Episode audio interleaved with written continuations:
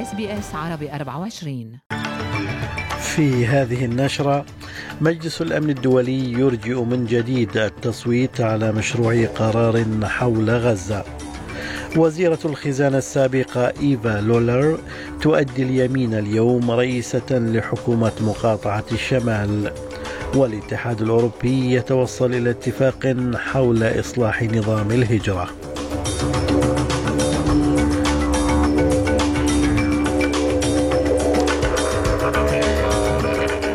سليم الفهد يحييكم وإليكم التفاصيل. ارجأ مجلس الأمن الدولي من جديد التصويت على مشروع قرار حول غزة. ويحاول الداعمون لمشروع القرار تجنب استخدام الولايات المتحدة لحق النقض الفيتو مرة أخرى حيث تقول الإمارات وهي صاحبة مشروع القرار إنها تريد إتاحة مزيد من الوقت للدبلوماسية لمحاولة الوصول إلى نتيجة إيجابية. ومع استمرار الجدل حول صياغة القرار فإن عدد الأشخاص الذين قتلوا في الصراع يتزايد حيث قالت حماس إن عشرين ألف شخص قتلوا منذ أن شنت إسرائيل حملتها العسكرية. ففي آخر حصيلة قتل خمسة أشخاص على الأقل وأصيب العشرات في غارة جوية. أصابت ثلاثة منازل سكنية ومسجدا في مدينة رفح جنوب قطاع غزة. كنت في الباص هذا خالي صار حزام الناري شباب كانوا معايا. I was on the bus when the bombardment happened. We went back and hid under the bus. It was me and three others. I told them, let's hide inside. After I managed to escape from there, they remained trapped under the rubble. They managed to rescue one person who was still alive. I swear, I don't know what happened to the rest. It left us so confused, I can hardly tell if what I experienced was reality or a dream. يتزامن ذلك مع وصول رئيس المكتب السياسي لحركة حماس إسماعيل هنية إلى القاهرة لإجراء محادثات حول وقف جديد لإطلاق النار بينما يواصل رئيس الوزراء الإسرائيلي بنيامين نتنياهو التأكيد على أن إسرائيل ستواصل حملتها حتى يتم القضاء على حماس אנחנו ממשיכים במלחמה עד הסוף. היא תימשך עד לחיסול החמאס. We continue the war until the end. It will continue until Hamas is eliminated, until victory. Those who think we will stop are not connected to reality.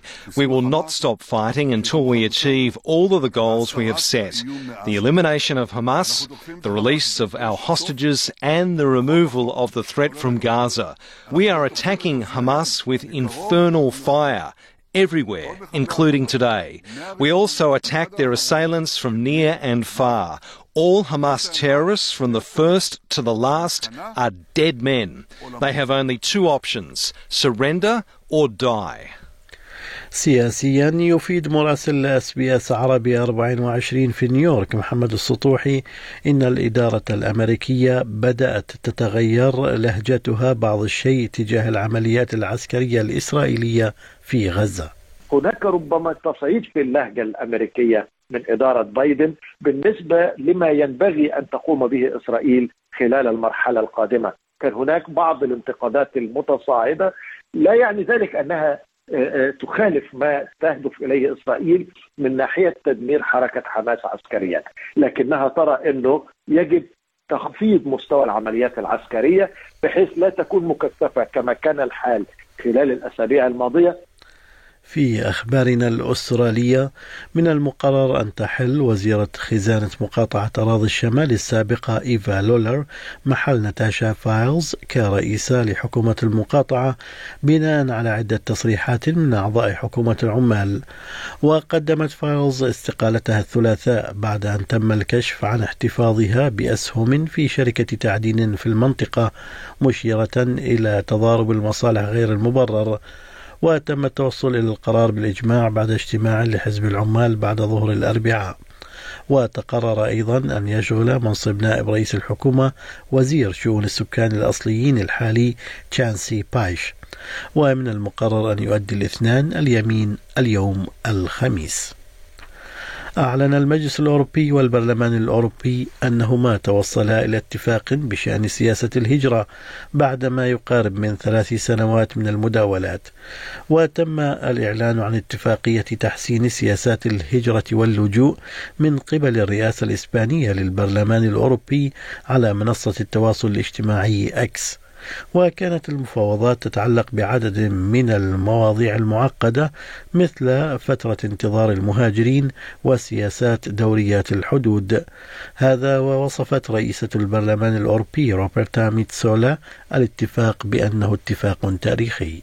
And I am convinced that we can find a way that respects borders and that is fair and humane with those in need for protection that is firm with those who are not eligible, and that is strong against the traffickers who are exploiting the most vulnerable people on our planet.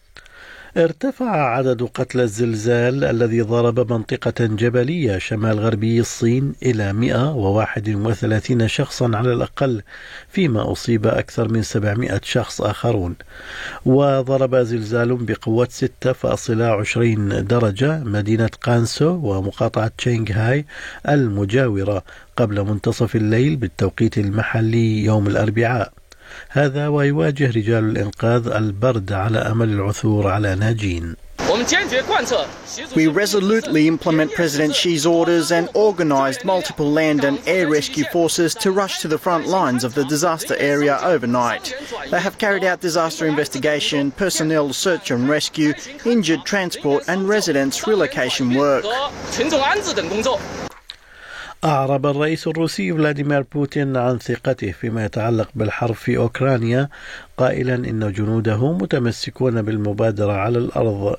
وخلال اجتماع لمجلس وزارة الدفاع قال بوتين إن القوات الأوكرانية تكبدت خسائر فادحة في محاولتها استعادة الأراضي التي فقدتها مضيفا أن احتياطاتها قد استنفذت إلى حد كبير. وتطرق الرئيس الروسي أيضا إلى انضمام فنلندا إلى حلف شمال الأطلسي ناتو والذي يمكن أن تتبعه السويد منتقدا الحلف لاقترابه من حدود بلاده.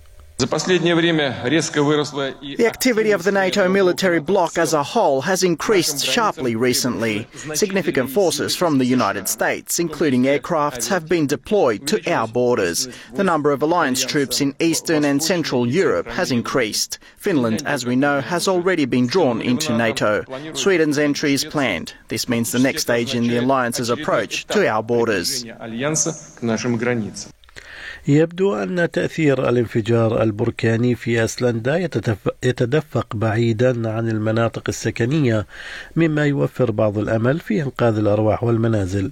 لكن السلطات هناك ما زالت تحذر من أن النشاط الزلزالي قد يستمر لعدة أشهر وهناك مخاوف بشأن تلوث الغاز في عاصمة البلاد. ووفقا لمكتب الأرصاد الجوية الأيسلندي فإن ثوران البركان يبدو أنه حدث على بعد حوالي أربعة كيلومترات من بلدة جريندافيك التي تم إخلاؤها بالفعل وتقوم الشرطة بالتحقق بالتأكد من عدم عودة أي من سكان البلدة البالغ عددهم أربعة ألاف نسمة Now there's an eruption here near Grintavik and we have cleared the town and the area and now we're just securing the area and closing every road to the area and uh, that's just in process now but uh, th then we are just trying to manage the situation here. في الرياضة صوت الاتحاد الروسي لكرة القدم بالرفض على الانضمام إلى الاتحاد الآسيوي والخروج من نظيره الأوروبي ويفا بعد شهور من التفكير والتهديد بمغادرة اتحاد أوروبا الذي استبعده من منافساته إثر غزو القوات الروسية لأوكرانيا في شباط فبراير 2022 في أسعار العملات بلغ سعر صرف الدولار الأسترالي 68 سنتا أمريكيا. حالة الطقس المتوقعة لهذا اليوم.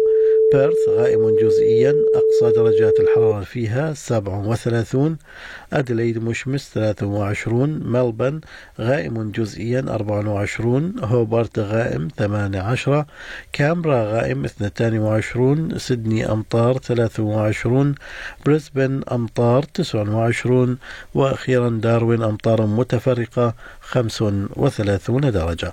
كانت هذه نشرة الأخبار قرأها على حضراتكم سليم الفهد من أس بي أس عربي 24 شكرا لإصغائكم